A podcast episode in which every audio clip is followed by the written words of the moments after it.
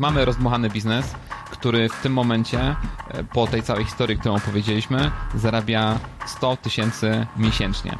Punkt pierwszy i myślę, że najważniejszy, czyli ta walidacja na forach, że de facto on już miał klientów na to, nie mając jeszcze produktu i wiedział, że ten produkt no, będzie idealnie podpasowany do tych klientów, bo jakby cały czas w konsultacjach z nimi to robił. To, co przeważnie mówi się, żeby, żeby jednak nie zaczynać od wszystkich mediów społecznościowych naraz, no to on tutaj wyraźnie pisze, że właśnie tak zrobił, jak, jak często ludzie mówią, żeby nie robić, czyli założył od razu Instagram, Facebook, Pinterest i YouTube.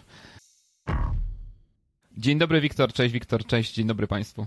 Dzień dobry Bartek, cześć Bartek i dzień dobry Państwu. E, w związku z tym, Bartek, że zawsze masz zastrzeżenia do mojego pytania, co u ciebie słychać, no to dzisiaj prosto z mostu, czy wiesz, jaki jest, jaka jest najbardziej popularna marka samochodowa w Polsce? Kto sprzedał najwięcej samochodów? Może tak. W Polsce mhm. Mercedes. Bartek, poważnie.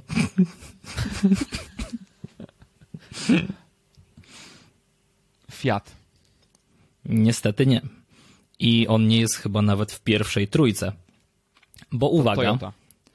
Dokładnie. Chociaż tego, ty, tego się nie spodziewałem. Raczej stawiałem na coś tutaj naszego lokalnego, typu Volkswagen albo Skoda, czyli tutaj środek Europy.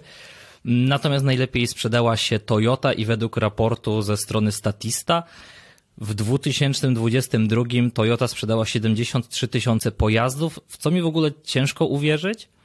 Raczej jeśli chodzi o nowe, to chociaż może, może, może, może tak jest. E, to, było, to był raport na koniec 2022 roku. 73 tysiące pojazdów, a na drugim miejscu jest właśnie Skoda, która sprzedała tylko, tylko 42 tysiące pojazdów. Także ogromna, ogromna e, przewaga.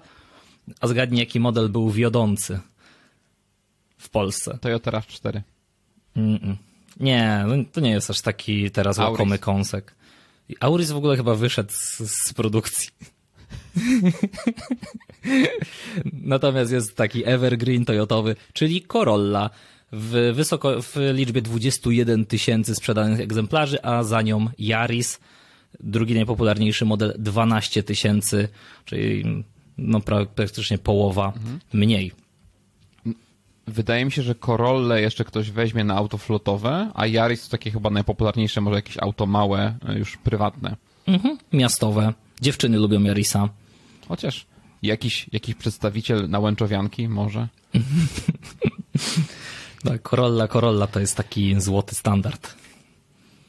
Ale to zostając w temacie samochodów, Mhm. Też się, przy, znaczy powiedziałbym, że się przygotowałem, ale to by było delikatne kłamstwo. Po prostu doświadczyłem czegoś w dniu wczorajszym, który ma związek e, z samochodami.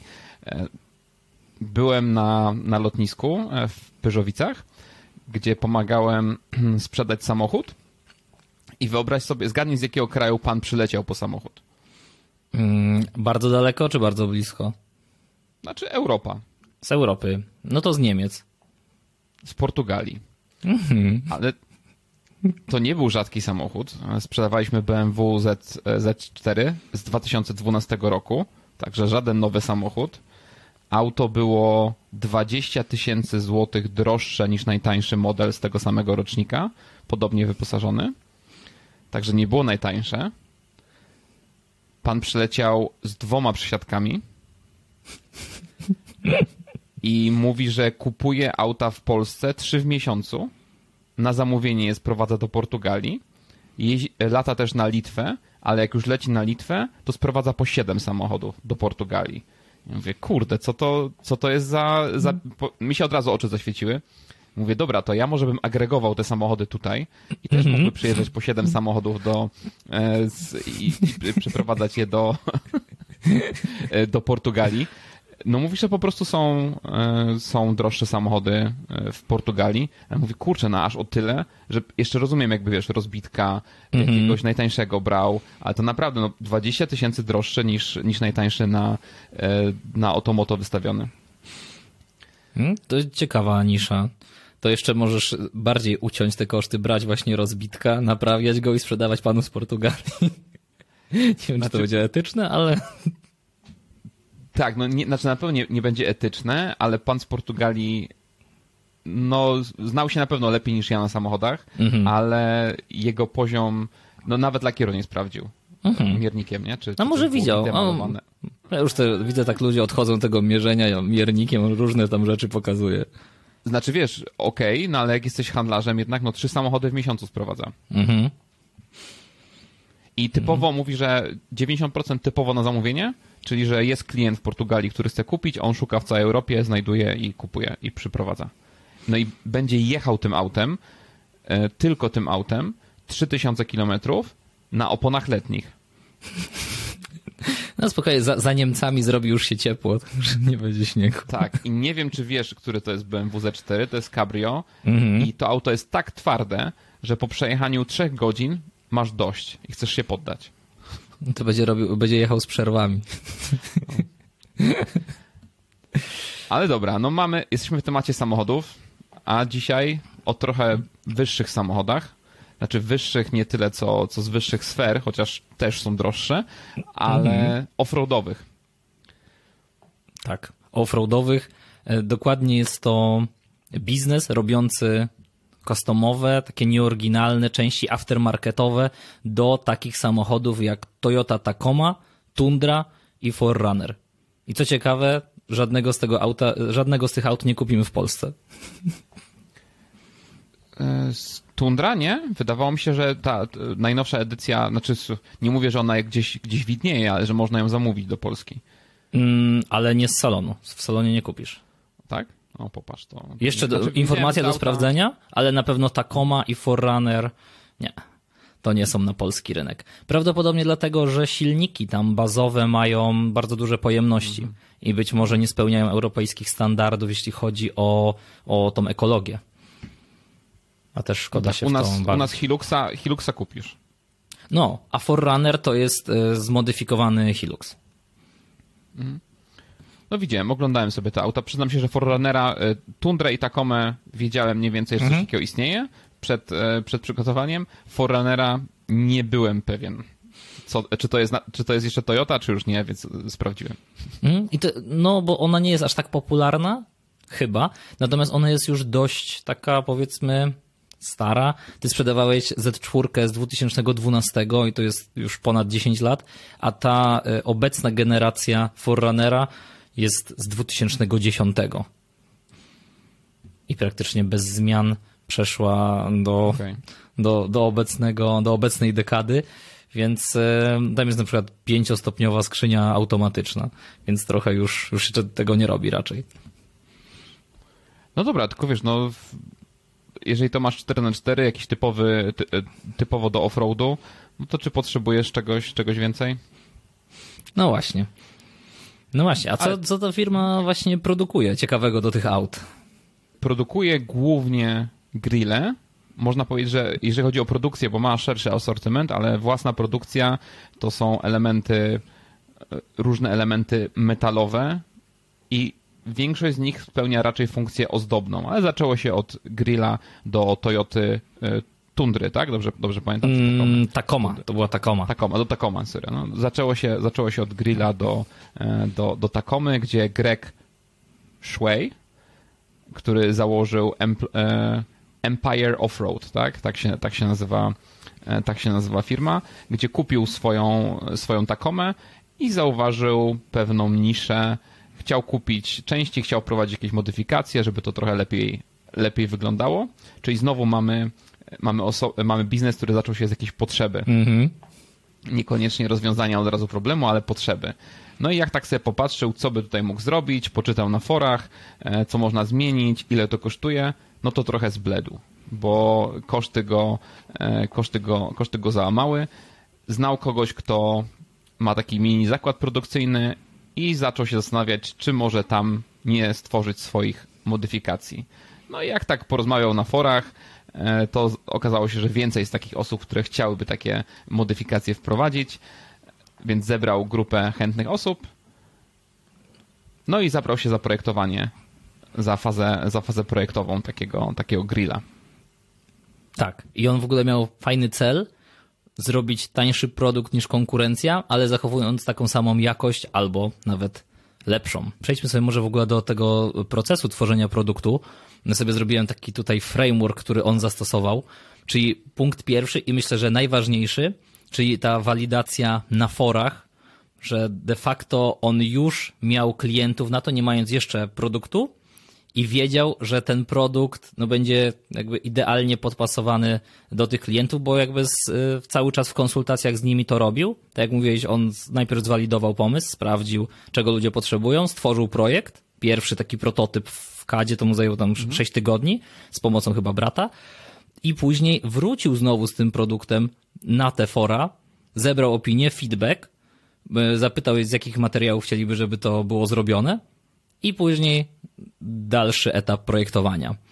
Później tam były drobne korekty, coś tam nie pasowało i po około kolejnych pięciu tygodniach miał już ten pierwszy grill skończony i pasujący do tej takomy. To jest w ogóle fajny, fajny, fajny, no fajny, nie strzelał powiedzmy ślepakami, nie? nie? Nie zrobił najpierw grilla, nie otworzył sklepu i nie wystawił pierwszej partii. Mhm, czyli mamy jakieś 10-12 tygodni od pomysłu do prototypu. Mhm. Tak, tak, można, tak można powiedzieć. Nie wiem, czy, czy też ci się tak skojarzyło, ale jak tak mówiłeś po kolei, co robił, jak, jak, to, jak to projektował, od razu mi się skojarzyło z odcinkiem o mini materiałach budowlanych, mhm. gdzie tam też były właśnie e, cały feedback był zbierany na forum, testy materiałów, także bardzo, bardzo mi to przypomina ten podobny model. Tak, i wiesz, ta taktyka nie, nie może się nie udać, nie? Bo już jakby ludzie czekają na to, ty cały czas do nich wracasz z tymi mm, z tymi prototypami, już wie, wiedzą, że ten projekt się cały czas bardziej materializuje. No i tylko czekają, aż po prostu rzucisz im cenę i dane do wysyłki. Właściwie oni ci wrzucą dane do wysyłki. To jeżeli mówimy o o tym początku, no to fajnie było wspomnieć o kosztach początkowych. Mhm. I tutaj założenie strony, jakieś tam pierwsze, te pierwsze projekty, to był koszt około 2000, a następnie wyprodukował 2000 dolarów, a następnie wyprodukował 25 sztuk tego grilla do, do Takomy za 115 dolarów sztuka, czyli wydał dodatkowo jeszcze jakieś na te materiały 3000 dolarów, czyli mamy mniej więcej 5-6 tysięcy dolarów, jeżeli chodzi, o, chodzi tutaj o koszt początkowy i tą cenę ustawił, tak jak mówiłeś, poniżej, poniżej konkurencji. Konkurencja brała 600-700 dolarów za sztukę. On to zaczął sprzedawać za 225 dolarów. Mhm.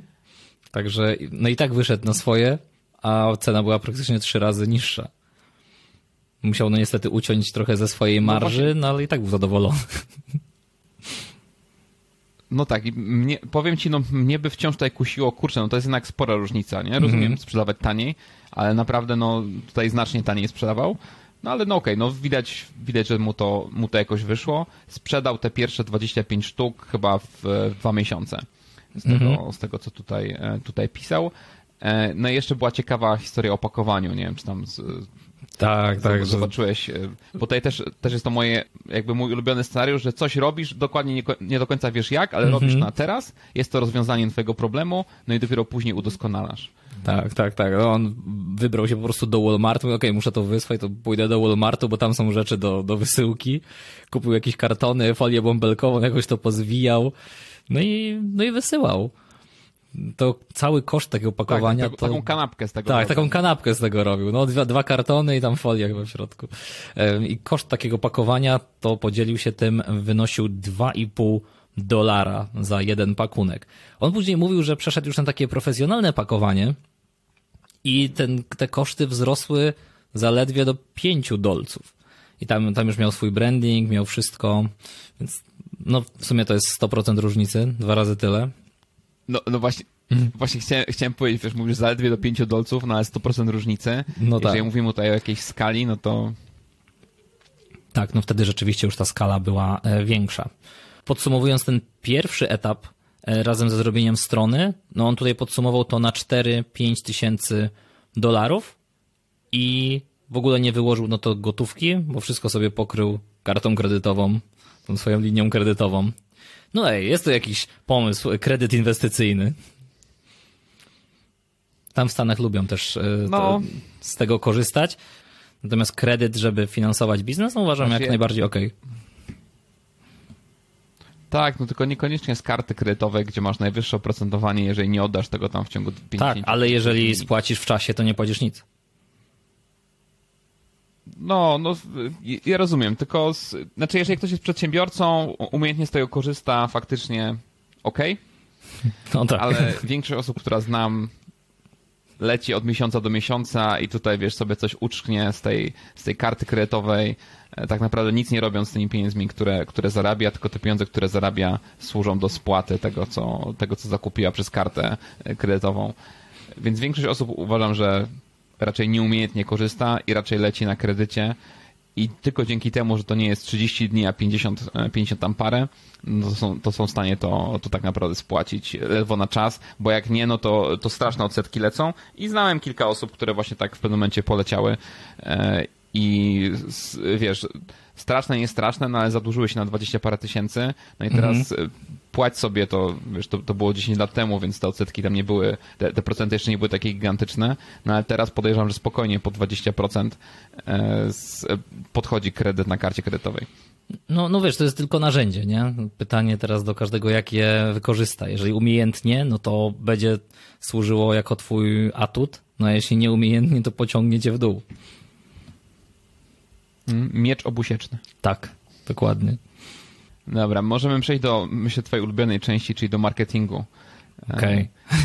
Pierwsze teraz, co, co patrzę, przez to zawsze jak się uśmiechasz, to e, pierwsze, co patrzę, to czy ktoś ma Instagram. I tak, tak. tutaj e, nasz, e, nasz bohater Greg e, założył, założył Instagram. Warto wspomnieć, że Greg zanim zaczął ten biznes, czy, czy jakby obecnie, no miał, miał doświadczenie w marketingu. Mm. Tutaj on mówi o około 15 lat doświadczenia w cyfrowym e, digital marketingu. Grał na kodach. Więc no temat, no właśnie, temat, temat nie, był mu, nie był mu obcy, co nie oznacza, że nie można powtórzyć dokładnie tego, tego co zrobił. E, to, co przeważnie mówi się, żeby, żeby jednak nie zaczynać od wszystkich mediów społecznościowych naraz, no to on tutaj wyraźnie pisze, że właśnie tak zrobił, jak, jak często ludzie mówią, żeby nie robić, czyli założył od razu Instagram, Facebook, Pinterest i YouTube. I on w ogóle to zrobił, zanim jeszcze zamówił tą pierwszą partię materiału. Już wtedy zaczęła się ta kampania marketingowa. Mhm. mhm. Tak, bo on no. tutaj jest, to co tutaj mówił dosyć ważnego, to zobaczył najpierw co jego konkurencja robi, jak jego konkurencja się promuje i co on może zrobić lepiej. Widział, że jego konkurencja nie ma wartościowych, długich treści, jakichś poradników, więc stwierdził, że on właśnie będzie budował swój marketing na kontencie, na wysokojakościowym kontencie. Zebrał te pytania, które pojawiają się na forach i postanowił pisać takie długie poradniki na dwóch różnych blogach, następnie ciął je i dostosowywał do różnych formatów, czyli na przykład z długich poradników robił później filmy na YouTubie. Nie wiem, czy widziałeś jego, jego pierwsze filmy na, na YouTubie sprzed dwóch, trzech lat.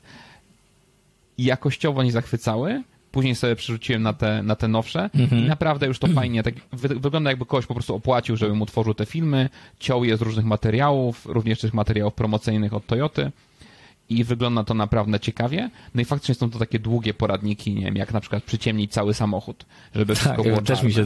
I mówi o różnych opcjach.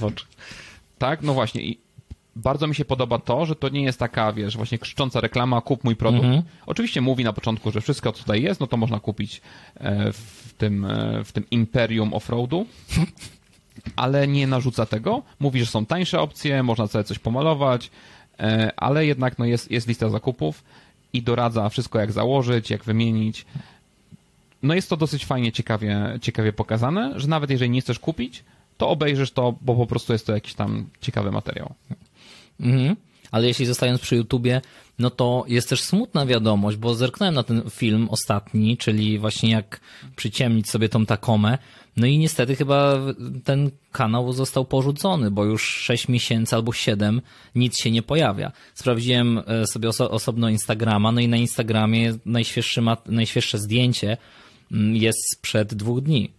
Także chyba przerzucił się e, tylko tam. Natomiast tak jak mówiłeś, tutaj fajną miał tą, tak to się nazywa maszyna kontentu, bo zrobił tą główną część, czyli powiedzmy robi artykuł na bloga, a resztę treści może na przykład zrobić sobie, mm, przerobić na scenariusz do filmu na YouTubie i później porozrzucać po różnych e, platformach. To jest bardzo fajna taktyka. Jest w ogóle taka pani w Wielkiej Brytanii bodajże, ona ma taką całą agencję repurpusowania, recyklingu kontentu. Robisz jeden content i ona to zamienia po prostu na, na filmiki, na wpisy, na newsletter i tak dalej. Też jest ciekawy, ciekawy temat. No, więc tutaj byśmy mieli, myślę, ten, ten marketing. E, Instagram, na Instagramie wrzucają po prostu zdjęcia aut z tymi, mm, z tymi e, częściami od nich ze sklepu. Gdzieś tam Toyota w blasku słońca z tym grillem. Tacoma nowym. Oni takie mają metalowe grille takie, e, też przyciemniane. Znaczy, ciekawa jest jeszcze historia tego właśnie, jak zaczął z tą stroną. Zaczął od WooCommerce, czyli, czyli na WordPressie, później przeszedł mm. na Shopify i z tych dwóch blogów, które, które cały czas prowadził z tymi długimi artykułami, były linki sprzedażowe na, na jego stronę na, na Shopify i z 200 e, odwiedzających strony miesięcznie, mniej więcej jak, jak zaczynał, czyli te, te, ten ruch z, foru, e, z for internetowych, to doszedł do 50 tysięcy unikatowych użytkowników w ciągu 4 lat. Mhm. I Także jedyną płatną wynik. reklamę, czy też tak, tak. Jedyna płatna reklama, tutaj tak się trochę uśmiecham, bo jedyna, jak mhm. ktoś mówi jedyna, to przeważnie jest to Facebook, ale e, to używał e, tego re retargetowania, czyli jeżeli ktoś mhm. już raz wszedł na jego stronę, to żeby, żeby mu się to, to wyświetlało. I tutaj używał tej płatnej reklamy na Facebooku, Instagramie, Atroll. Przyznam się, musiałem sprawdzić, jest to platforma marketingowa, nie znałem wcześniej, i Google. Mhm. No okej. Okay. Jak już sobie ogarnął ten biznes, no to stanął powiedzmy przed pewną decyzją, no, czy dalej tylko Tacoma i tylko te grille, mm, ręczne, te grille robione przez niego przy pomocy tego warsztatu, własne prototypy, czy właśnie już rozszerzać produkty o inne linie, o inne samochody. No i w tym wypadku, już mówiliśmy we wstępie, rozszerzył o Tundrę i Forerunnera, E, I to był powiedzmy taki dość, dość logiczna ekspansja, natomiast wszedł jeszcze w dropshipping.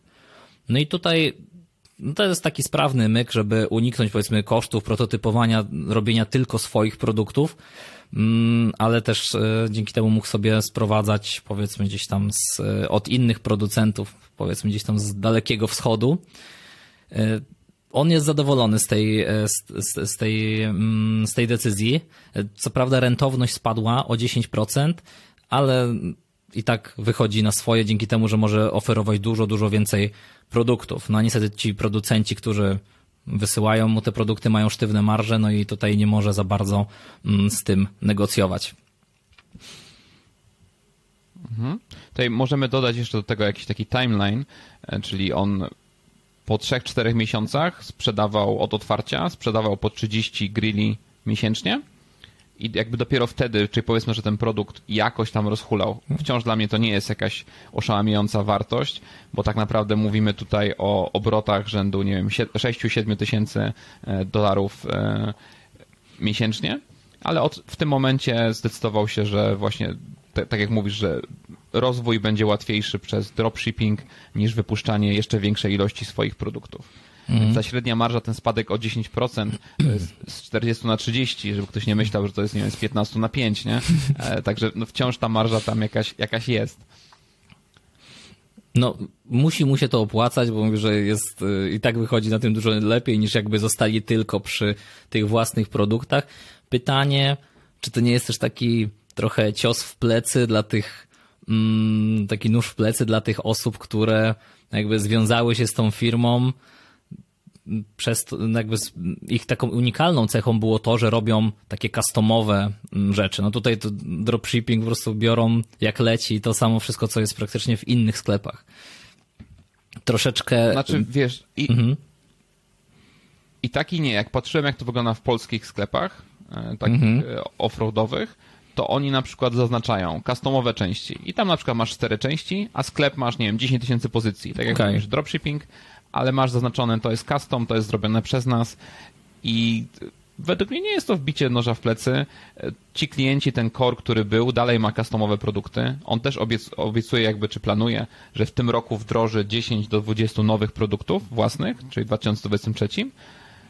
Także no, dalej planuje rozwój, no ale żeby się rozwijać szybciej, i bez dużych kosztów R&D, no to po prostu wprowadził ten dropshipping. Czy to jest dobry biznes, czy nie? Ja akurat nigdy dropshippingu nie próbowałem, więc nie mogę się wypowiedzieć, czy to jest jakieś super rozwiązanie. wydaje się łatwe do wdrożenia, ale ciężkie do rozreklamowania i właśnie wyróżnienia się. Bo tak jak mhm. mówisz, Wiktor, no jest, są, masz produkty, które w cudzysłowie mają wszyscy. Wszyscy, no tak. Też nie ponegocjujesz, tak jak on tutaj mówił, że jest marża producenta i jakby no, jeśli ktoś tam będzie swoją marżę ucinał, no to ty też musisz po prostu ucinać, bo ten produkt będzie po prostu taniej. No i tutaj jeszcze informacja właśnie, co, co chce zrobić jakby dalej z tym swoim e, Empire of Offroad. Mhm. To e, w tym roku chciałby sprzedać ten biznes, czyli właśnie wprowadzić te nowe produkty, jeszcze bardziej go rozmuchać i sprzedać, a po sprzedaży otworzyć 4 do 5 nowych sklepów e-commerce. Także widać, że ten e-commerce biznes z tym swoim doświadczeniem e, w, w marketingu cyfrowym bardzo dobrze mu się sprawdził, no i chce kontynuować to na jeszcze większą skalę. Mhm.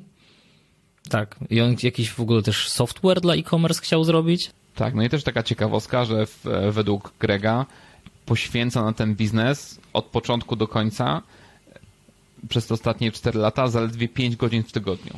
Wydaje mi się to bardzo mało, aż no tak właśnie, prawdopodobnie mało. No, ro, rozumiem jeszcze na, na samym początku, ale 5 godzin, no chyba, że teraz ma, on, on też podkreśla to, że robi bardzo dużo rzeczy sam. Nie wiem, czy aktualnie ma tam jakichś pracowników, czy nie. No, jednego, jeżeli, jednego. jednego. No i jeżeli dalej robi, jeżeli dalej tylko poświęca 5 godzin dziennie na tą, na tą pracę, co przy, w przypadku no, dość dużego sklepu, podejrzewam, że te zamówienia spływają non-stop. To, to, to jest no ile, 30-40 minut dziennie? No chyba, że po godzince znaczy od poniedziałku do piątku. Pracowni- no właśnie, bo tutaj dodajmy, on jakby da, on dalej tego sam nie produkuje, dalej to, mm. jest, jakiś, to, to, jest ten, ta firma zewnętrzna. Tak, tak, tak, tak no, freelancerów masz, ma. No, ma, masz freelancera, no i masz jednego pracownika, który mm -hmm. do, domyślam się pakuje. Mm -hmm. No i ten dropshipping. No, czyli jeżeli to jest jeżeli to jest taka, do, taka, taka praca, że tylko 5 dni, 5 godzin w tygodniu można to robić, to to brzmi bardzo interesująco dla tych, którzy E, którzy szukają takiego mm, mało obsługowego side hustle. Znaczy, no aż tak bym w to nie wierzył. Ja myślę, że to wynika też z jego doświadczenia w, w tym cyfrowym marketingu i po prostu jest, e, no jeżeli, jeżeli coś już wiesz, nie musisz szukać no, samo prowadzenie bloga, wiesz, jeżeli ja pomyślę, e, piszę też newsletter, piszę te artykuły, więc jeżeli pomyślę, ile zajmuje mi godzin w tygodniu napisanie artykułu, kurczę, no to ten, ten czas na napisanie tego jednego naprawdę dobrego artykułu, poradnika, to będzie to minimum 3 godziny. Nie? I to tak naprawdę licząc mhm. skromnie, bym powiedział. Więc jeżeli piszesz jeden artykuł, no chyba, że właśnie piszę, nie wiem, jeden artykuł na miesiąc, no to, mhm. to okej, okay, nie? To może, może mu się to jakoś to spina, ale podejrzewam, że żeby założyć tego bloga, to już musiał napisać kilka artykułów, Chyba, że do przodu sobie napisał i później przestał liczyć po prostu. Godziny. 5 godzin, 5 godzin w tygodniu. Tak, albo, albo zleca może teraz pisanie tych, e, tych artykułów. No. no, tak samo jeśli chodzi o na przykład nagrywanie wideo. Jeśli on by to, mm, nawet nie wiem, 10-minutowe wideo, to czasem montuje się godzinę, dwie. Jeszcze do tego napisz scenariusz, do tego jakaś tam obróbka dźwięku no to już praktycznie nie masz, już skończyły ci się te godziny na prowadzenie sklepu, jeszcze obsługa, znaczy teraz już ma tego gościa do obsługi zamówień, mm, jakieś tam wymyślanie prototypów, no ciężko uwierzyć w te 5 godzin. Wiesz co, jakby mi powiedział 20, uwierzyłbym. Mhm. Czyli to jest bardzo taka godzin realna. W tygodniu, myślę, tak, tak. 20 mhm. godzin w tygodniu myślę, że możesz spokojnie rozkręcić e, biznes na boku. Nie mówię tylko o e, e-commerce, ale myślę, że prawie że dowolny biznes na boku w te 20, 15-20 godzin e, w tygodniu jesteś w stanie zrobić. Mhm. No dobra. To jakie lekcje mamy do wyciągnięcia z tej, mm, z tej, z tego raportu? Tak, tutaj największa lekcja, czyli idź na rynek zanim zainwestujesz dziesiątki tysięcy dolarów i sprawdź produkt. Tak, no ja uważam, że to jest w ogóle jest motyw naprawdę, przewodni tego, na... tego raportu. Tak, jak tutaj Greg, Greg właśnie pisał o tym, że możesz myśleć, że masz idealny produkt, najlepszy, tak? Póki on jest w szufladzie, to, no to jest twoje dziecko, no stworzyłeś coś cudownego. Tylko, kurde, wychodzisz, włożyłeś, nie wiem, 50 tysięcy e, dolarów w jakąś matrycę, żeby coś zrobić z plastiku i nagle się okazuje, że nikt tego nie chce kupić. Mhm. Mi się to kojarzy z tym filmem Poranek, chyba Poranek Kojota, gdzie on przez parę lat był zamknięty w piwnicy i rysował ten super komiks. Później wyszedł i nikt w sumie go nie chciał czytać nawet. Mhm. Tutaj Greg się dzielił też taką fajną lekcją, jeśli chodzi o robienie mm, takich aftermarketowych rzeczy dla dużych marek, tak jak w tym wypadku Toyota, która jest dużym brandem, no i są tam mm, bardzo mocno zaostrzone te przepisy dotyczące znaków towarowych, oni pewnie są też bardzo czujni. No i dobrze by było znać te przepisy i ewentualnie znać też w miarę możliwości ten zakres, w którym można się poruszać, jeśli właśnie chodzi o robienie rzeczy dla takich dużych, dużych firm. No trzeba zawsze zaznaczyć, że to są takie rzeczy customowe, aftermarketowe i Toyota na przykład za nie nie odpowiada, bo na to też są e, duże firmy e, takie czujne na to. Później mogą mieć jakieś pretensje ze strony użytkowników. Tak, i wydaje mi się tutaj, że muszą uważać na tą czcionkę, której używają, bo czcionka mm -hmm. i znak towarowy Toyota jest, jest zastrzeżony. Tutaj te ich grille widziałem, że, że mają napis Toyota, ale wydaje mi się, że właśnie w innej, e, w innej czcionce i w innej, w innej kolorystyce, więc gdzieś tutaj jest jakiś, e, e, tak, tak żeby właśnie, no, no, muszą po prostu być zgodni, zgodni z jakimiś przepisami prawa autorskiego. Wiem, że tutaj niekoniecznie w rynku automotive, ale tak ogólnie patrząc globalnie, to Nintendo słynie z tego, że nawet jeżeli ktoś robi jakąś e, taką, jak to się nazywa, fan, fan, fan product, tak? Fan, fan art, to e, jakiś fanart i z tego zrobi ktoś grę, no to bardzo się o to rzucają. Tak, tak, z tego tak potwierdzam. Niechlubnie powiedzmy, że, że słyną. No. no. właśnie, zamiast przekuć to jakby w swoją, na swoją korzyść, nie? Z, z tą społeczność udobruchać, no wiesz, ktoś tam robi jakieś tam, nie wiem, obudowę na konsolę, czy nie wiem, jakąś figurkę, czy coś, to zamiast, wiesz, skomentować, że o, fajna figurka, pozdrawiamy Nintendo, gdzie zdobyliby sobie przychylność raczej tych, tej, tej, tej społeczności, no to idą w drugą stronę. Tak, tak. Oni od razu wysyłają pismo. Tak. E, Nie, ale, e, ale, wiesz, bo tutaj ktoś jeszcze może się oburzyć, no, że jak to, że to jest ich, ich własność intelektualna. Tak, wszystko spoko, tylko że my, ja tutaj przynajmniej o tych rzeczach, o których słyszałem, to mówimy o grach z lat 80. Oczywiście masz tam jakieś. E, Nintendo wciąż przepakowuje i sprzedaje e, te, te stare gry w różnych formach. No ale kurczę, już mogliby się tak uśmiechnąć naprawdę tych mhm. fanów, którzy są z nimi od 30-40 lat, e, że okej, okay, fajną rzecz zrobiłeś, nie sprzedawaj tylko tego i wszystko będzie w porządku. Tak. No do, dokładnie to, nie? No, różne, różne są tutaj metody. Różnie te korporacje działają. Dobra, Wiktor, więc mamy rozdmuchany biznes, e, który w tym momencie, e, po tej całej historii, którą opowiedzieliśmy, zarabia 100 tysięcy, czy ma przychodu, przepraszam, ma 100 tysięcy 100 tysięcy dolarów przychodu miesięcznie. Czyli to jest dobra stawka godzinowa. Mamy 100 tysięcy dolarów za 5 godzin w tygodniu. No, oczywiście, wiesz, mamy, przyjmujemy, że ta marża w tym momencie wynosi 30%, 30%. Mhm. No, ale no, wciąż jest to, jest to solidna kasa za ten wysiłek, który, który on wkłada. Oczywiście, wiesz, no, stworzenie tego zajęło mu 4 e, lata. E, aż, aż doszedł do tego, do tego poziomu, więc jakby tutaj nie umniejszajmy tego, że to dzisiaj założysz, jutro masz 100 tysięcy. Mhm. Ale no nie, nie, przynajmniej Grek nie pokazuje tego jako coś bardzo trudnego. Więc warto znaleźć swoją niszę, warto przybywać na tych forach, szczególnie jeżeli jesteś entuzjastą jakiegoś tematu, to warto szukać właśnie, ok, co inni entuzjaści tematu, jaki mają problem, ilu ich jest i za ile, ile by byli w stanie zapłacić, żeby rozwiązać ten swój problem. Więc jeżeli mamy samochody, które kosztują po 50, 60, 70 tysięcy dolarów, to oni prędzej zapłacą nam te 300-400 dolarów za jakiś element, który wzbogaci ich samochód wizualnie, w tym wypadku przy, przy grillach, ale czas, czasem też są to funkcjonalne produkty, jak jakieś na przykład tam stopnie, żeby stanąć, żeby, żeby łatwiej do dachu e, dosięgnąć, czy jakieś zabezpieczenia na dach, na namiot, czy, czy na coś innego. Więc no teraz, jeżeli mamy też jakieś hobby takie, powiedzmy trochę bardziej premium czy droższe, no to też wśród tych innych fanów możemy poszukać jakiegoś problemu do rozwiązania. Mhm. Czy my właśnie przeszliśmy już do tego naszego segmentu, jak założyć ten biznes w Polsce? tak, tak, tak. Wiktor, więc y, jaki masz problem, który ja mógłbym rozwiązać i zapłaciłbyś mi za niego minimum 400 dolarów? O, ty nie mam chyba takich problemów. Przynajmniej nie, nie szybko z głowy. Czyli, czyli wychodzi twoja wewnętrzna cebula i nie, ty, ty zrobisz wszystko sam. Tak, no ja po prostu zainspiruję się Gregiem. On tutaj też mówił taki ciekawy cytat, mm, że najlepiej wszystko robić samemu, y, wstawać wcześniej, chodzić spać późno i zamiast zlecać robotę innym, wszystko robić samemu, a za jakiś czas będziesz mógł zbierać plony ze skalowania biznesu e-commerce. No właśnie, Bartek, jak ty się na to zapatrujesz?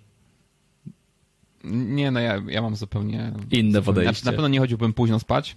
Mhm. Tak, tak. Ja nie chodziłbym późno spać. Wcześniej wstawać jak najbardziej. Uważam, że piąta rano, jeżeli coś tworzysz i chcesz dodatkowe dwie godziny mieć, e, mieć dziennie, w cudzysłowie oczywiście dodatkowe, to, to, jest to jest to warte. Późno spać myślę, że to już wpływa na twój e, performance e, następnego dnia, więc już w, to, w coś takiego bym nie, nie wchodził ale też nie jestem fanem robienia wszystkiego samemu. Na początku jasne, pierwsza mhm. faza, te pierwsze 3-4 miesiące, e, chyba, że coś naprawdę, nie wiem, da ci gigantycznego kopa w biznesie, to wtedy bym wszedł w jakąś, w jakąś pomoc, ale ta, ta pierwsza faza, wypuszczenie jakiegoś produktu, sprawdzenie swojego modelu e, samodzielnie, ale jak ty, ja osobiście oczywiście, nie mówię, że tak wszyscy powinni robić, to jak tylko zobaczę, że to się sprawdza, to od razu chciałbym do kogoś tego wdrożyć, a czasem nawet, e, nawet i wcześniej, tylko w moim przypadku mówimy tam o jakimś kolejnym, nie wiem, trzecim, czwartym, piątym, e, piątym biznesie, więc po prostu wygląda to już trochę inaczej. Przy pierwszym biznesie starałbym się jednak dłużej samodzielnie działać. Mhm. Zebrać jak najwięcej doświadczeń, żeby później wiedzieć, jak to oddelegować. Okej. Okay. Mhm. Stworzyć jakiś, tak, tak jak mówisz, nawet stworzyć jakiś proces po prostu dla kogoś, kto już wejdzie, żeby było mu e, łatwiej i żeby nie mhm. spędził e, nie wiadomo ile czasu na szkoleniu pracownika. No dobra. No więc jak taki biznes założyć w Polsce? Czyli tutaj mówimy przede wszystkim tak, e-commerce'owy, no i powiedzmy w tym wypadku dotyczył aut, więc to, to, to, to może być de facto cokolwiek, ale tak jak mówiłeś, najważniejsze to zidentyfikować problem danej społeczności, tak jak w tym wypadku były to fora, no i ten problem też dotykał autora, czyli nie było tych, tych, tych części, które on chciał, albo były bardzo drogie, więc no trzeba znaleźć po prostu, po prostu jakąś społeczność. Załóżmy, że jeśli zostajemy w temacie aut i chcielibyśmy pójść szeroko, no to jest duża społeczność na przykład użytkowników BMW, które, którzy szukają takie, takich aftermarketowych części do tuningu, zwłaszcza na przykład jeśli chodzi o modele E46, są bardzo popularne w Polsce, to jest ta stara BMK trójka, albo możemy pójść w mniej nasyconą niszę, jeśli zostając dalej w temacie aut, to bardziej powiedzmy niszowe auta, do których nie ma. Mm, podejrzewam, że są jacyś entuzjaści, ale nie mają dostępu do tych części i na przykład tak mi się skojarzyło z jeszcze zostając też w temacie, w temacie Toyoty, w Polsce jest Toyota Camry, która mi się bardzo podoba, zwłaszcza w modelu mm, takim cały, cały na czarno, który jest dostępny tylko w USA. W Polsce jest ona w tym, w tym trimie niedostępna i jedyna opcja, żeby sobie zrobić taką czarną Toyotę, to albo sprowadzić ją już z, ze Stanów, albo właśnie zakupić jakieś takie akcesoria, których w porównaniu do na przykład BMW 46 jest bardzo mało. To, ta Toyota chyba się w ogóle model nazywa Camry Nightshade. Więc mhm. E, jeśli ktoś by zaoferował dla takiego mnie na przykład jakieś takie mm, dobrej jakości, no zapytałby mnie, co, co bym tam chciałem, czarne jakieś takie grille, czarne jakieś takie wstawki, no to parę osób podejrzewam, że by się znalazło na coś takiego. No tak, tylko tu dochodzimy do problemu, który, który, który e, powiedziałeś jakby po drodze, mhm. że to auto było bardzo mało popularne w Polsce. Nie? Czy, czy nawet kierujmy się, kierujmy się Europą, nie On, ono nie weszło, ono nie weszło, nie weszło. do Polski. Ten, ten, ten model po prostu nie wszedł. Nie? A podejrzewam, że część osób by się znalazła, która by chciała ten, bo ona wygląda tak, no, jak auto Batmana wygląda. I w ogóle nie wygląda jak Toyota Camry, która jest no, z teorii taka bardziej dystyngowana, nie chcę powiedzieć nudna, bo to byłoby krzywdzące dla tego auta, ale mm, taka bardziej, usp- bardziej usportowiona wersja. Więc tutaj jedyna opcja to zrobić sobie ją samemu. I tutaj wchodzi nasz potencjalny mm, biznesmen z, z ofertą właśnie dla takich osób jak, jak ja. Okay, no bo tutaj wiesz, w przypadku Tundry czy Takomy mówimy o jednym z najlepiej się sprzedających pick-upów tak. w Stanach Zjednoczonych. To jest bezpośredni konkurent Forda F-150, mhm. więc no, mówimy naprawdę o milionach sprzedanych egzemplarzy i milionach użytkowników, gdzie no, no, nie wiem, powiem ci, nie, nie wiem ile się sprzedało Toyota Camry e, w, w Europie, ale no jak e, jeżeli nie jest to też kilka milionów użytkowników, którzy dalej, nie dalej będzie. są entuzjastami. Znaczy wiesz, super, super, że jest nisza. No tylko właśnie pytanie, jeżeli to, to wyjdzie wszystko z, z badania rynku i z ilości chętnych, która, mhm. która kupi takie, takie elementy. Bo jeżeli zbierzemy wcześniej, nie wiem, 100 chętnych, czy dwu, nawet 20-30, no to, to już jest jakieś sprawdzenie tego i coś na tym może, może zarobimy, a może później trzeba przejść po prostu na kolejną markę. Tutaj też nie wiem, czy doszedł do tego, Greg gdzieś tam wspomina, że zrobił coś podobnego dla Forda, więc no jakby spokojnie można szybki pivot e, zrobić, czy szybki spin-off właściwie, e, właściwie biznesu, nie pivot, bo ten, ten biznes został i przejść właśnie na, na kolejną markę, więc może to by się u nas sprawdziło, że produkujesz sobie właśnie, nie wiem, 40 czy 50 sztuk wyprodukujesz mhm. i zbierasz to samo na forum Mercedesa, później na forum BMW, później na forum Malucha może. Mm.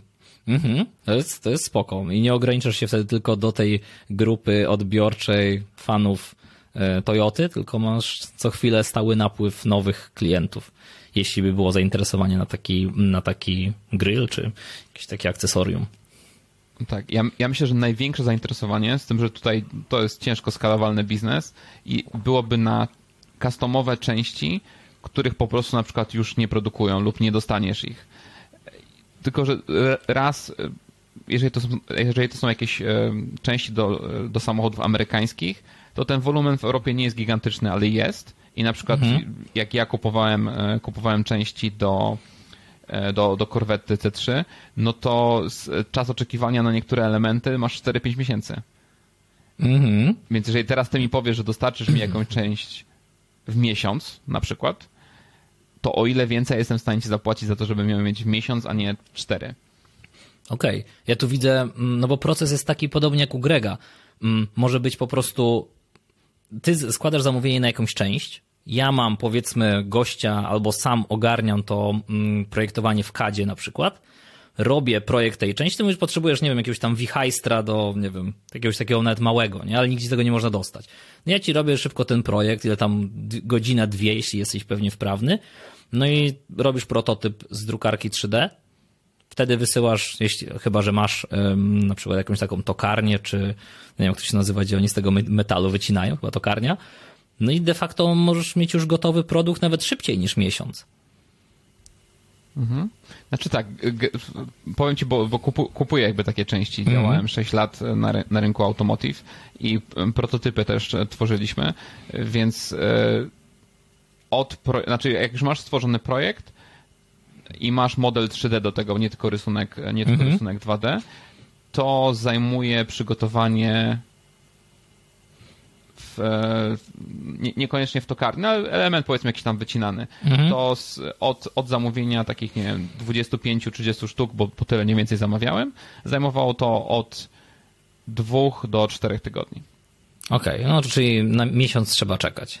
Znaczy jesteś w stanie to zrobić w tydzień, jeżeli nie ma żadnych mhm. zamówień i od razu ze wszystkim wchodzisz i, i, pracujesz, to pewnie w tydzień, jeszcze zależy od tolerancji, tak, bo tutaj też mówimy o tym, jak, jak dokładne to ma, mhm. e, to ma być i jak, e, jak wąskie są te, są te tolerancje na, na przesunięcia. Tutaj też, nie wiem, tak jak mówiliśmy na początku przy, przy Gregu, że pierwszy jego prototyp nie pasował. Nie dało mhm, się go włożyć tak. do auta. Nie? Pięć tygodni były te, trwały później poprawki, dopasowywanie no. tego, jakieś zmiany. Więc to też, no to, to też może być problem. Jeśli zajmowałbyś się robieniem wielu różnych części, pewnie co chwilę by spływały reklamacje.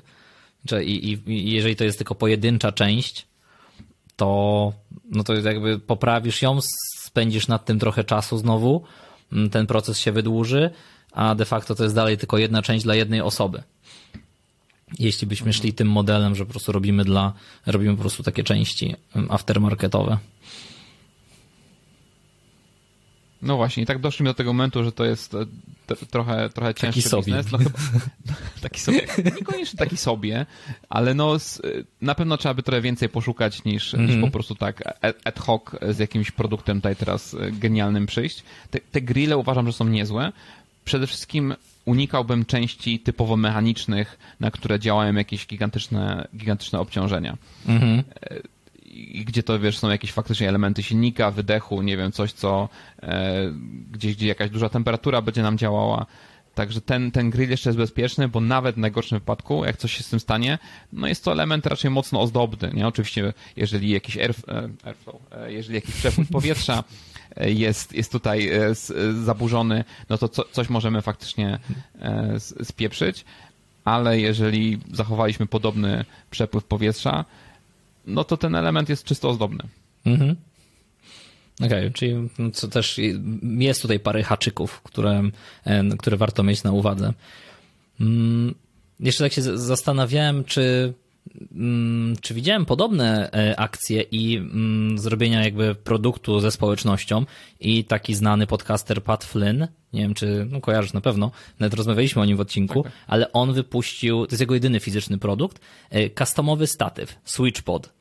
Mm, I oni też jakby we współpracy ze społecznością to zrobili. To jest taki statyw do vlogowania, ale w dwie sekundy rozkłada się do takiego trójnożnego statywu. Tam klikasz chyba guzik i on się po prostu rozkłada, a i zaraz a możesz go złożyć i masz taki, wiesz, do trzymania kamerki, nie? Dla, dla twórców treści. I y, oni to robili w podobny sposób, no ale Pat Flynn mówi, że fajna przygoda, natomiast mm, lepszy, lepiej, le, dużo lepiej mu się skalują produkty online, i no i też tam dużo więcej zarabia, no i mniej jest z tym problemów, bo tu jednak e, magazynowanie, mm, prototypowanie to też długo trwało. No tak, nie, przy, przy produktach, tak jak mówisz, że jakiś guzik, coś jest już mechaniczne, elektroniczne, to, e, to tutaj już nie mówimy o, wiesz, 10-12 tygodniach od pomysłu do, e, do produktu. Dokładnie. Także tutaj, tak żeby też dać, dać komuś, kto słucha jakiś ogląd, mówię, pracowałem przy, przy premierach samochodów e, i bardzo często elementy samochodowe są już zaprojektowane, gotowe na 2-3 lata przed, przed mhm. startem gdzie mamy powiedzmy, że 3 lata, to już taki, jeżeli mówimy o jakichś skomplikowanych elementach e, i zaczynamy od jakiegoś black boxu, no to 3 lata na taki, e, żeby to doprowadzić do, do działającego modelu, to jest naprawdę taki minimum. Nie? Przy, oczywiście przy prostych częściach, nie wiem, czy jakichś śrubkach, czy jakichś ozdobnych częściach, oczywiście jest to znacznie, znacznie krócej, bo o śrubkach to sobie przypominają ludzie na samym końcu i tam ten development y, może wynieść te kilka miesięcy, bo też, y, też zależy, gdzie tą śrubkę później przykładamy, nie? Czy to jest jakiś element wytrzymałościowy i musimy testy wytrzymałościowe przeprowadzić, gdzie na przykład w takim, nie wiem, BMW powiedzmy są przeprowadzane tylko w grudniu e, raz do roku, nie wiem, tam na 10 silnikach, no to wtedy, jeżeli nie zmieścimy się w tym okienku czasowym, no to e, i nie jesteśmy w stanie zapłacić za dodatkowy test na 10 silnikach, nie wiem, 2 miliony dolarów, no to czekamy kolejny rok. Mhm. Dlatego, dlatego często o tyle wcześniej trzeba przygotować swój produkt do, do włożenia do samochodu. Że trudna, trudna branża. Trudną branżę na dzisiaj wybraliśmy, tak mi się wydaje. Tak, ale jakże, jakże ciekawą. I mówię, tutaj wiesz, wchodzimy o, o jakieś takie elementy wytrzymałościowe, mhm. ale znowu, jeżeli to są, czyli jakbyśmy to mieli podsumować, to szukałbym elementów ozdobnych, czyli wiesz, tak jak do BMW ludzie chorują na ten M, M pakiet, nie? Gdzie tam jakieś elementy. Tak, tak, w tak. Oplu to było, to było chyba OPC, tak? Że tam po prostu jakieś elementy, elementy ozdobne. Mhm. dokładasz do jakieś naklejeczki, właśnie na, naklejki na przykład, nie? Też widziałem, że sprzedają na, na tych polskich sklepach offroadowych jakieś, wiesz, trzy paski, które symulują ci gdzieś ten e, M-pakiet na, na kierownicy, czy, czy Tak, tam, tak. Nerki, czy, czy nerki do BMK, nie? W czarnym macie i robisz sobie sam wersję Shadowline, tak robiłem też dawno temu w swojej BMC. Tylko później ten lakier o, trochę odpadał. Tak, tak, takie. No, no cóż. Ale wiesz, to, to może rozwiązaniem są takie naklejki magnetyczne na przykład. Mhm. Tak jak taksówkarze używają, żeby nie obklejać swojego samochodu, to często te, te auta są na magnesach. Mhm. Może to jest jakieś Nie wiedziałem o tym. Czy jeszcze Bartek chciałbyś coś dodać?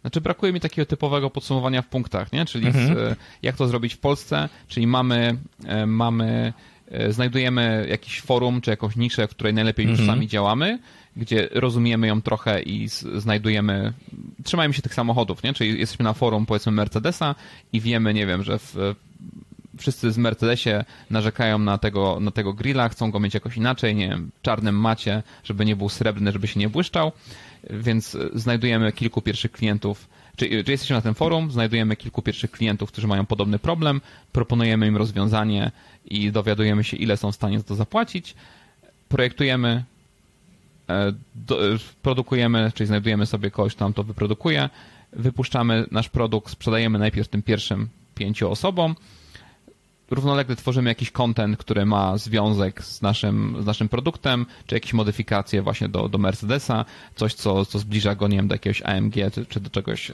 czy do czegoś innego, na co nas nie było stać. I tworzymy takie treści, które kierują właśnie do naszego jednego produktu. Trzymamy się jak najniższych kosztów, jak najmniejszej ilości produktu na początku, aż model się sprawdzi i później zastanawiamy się, o co możemy rozszerzyć naszą e, paletę produktów, czy to będzie dropshipping, czy nie wiem, kupowanie i sprzedawanie jakiegoś produktu, na który jest na przykład bardzo długi czas oczekiwania, a tutaj będzie dostępny w Europie dla, dla innych użytkowników prowadzimy media społecznościowe, może ten YouTube właśnie, to całkiem te pierwsze filmy, przynajmniej u Gryga, miały po 500-600 tysięcy wyświetleń. Mhm, Także dosyć, dosyć sporo. Późniejsze już, późniejsze już trochę mniej. Ale takie właśnie pełne modyfikacje, bardzo amatorsko nagrane, miały więcej wyświetleń niż te późniejsze filmy, za które myślę, że musiał zapłacić jednak. Nie robił ich sam. Więc tworzenie takich, takich treści no i współpraca z tą społecznością w kółko, czyli ktoś ze społeczności pokazuje jak, jakąś swoją fajną modyfikację, to e, promujemy jego modyfikację, oznaczamy go, żeby jego znajomi widzieli, żeby on widział e, i żeby też się czuli ludzie ze społeczności docenieni, żeby ciągle kwitła współpraca ze społecznością dookoła naszego biznesu. Mhm. Tak, w przeciwieństwie do, do dużych korporacji, do, do Nintendo na przykład. Okej, okay, teraz, teraz możemy powiedzieć. Teraz możemy tak mamy zakończyć. mamy to. Dobra. Mm, no to co? Żegnamy się. To je to. To dzięki, Wiktor. Dziękuję Państwu. Dzięki, Bartek. Dzięki Państwu. Do usłyszenia.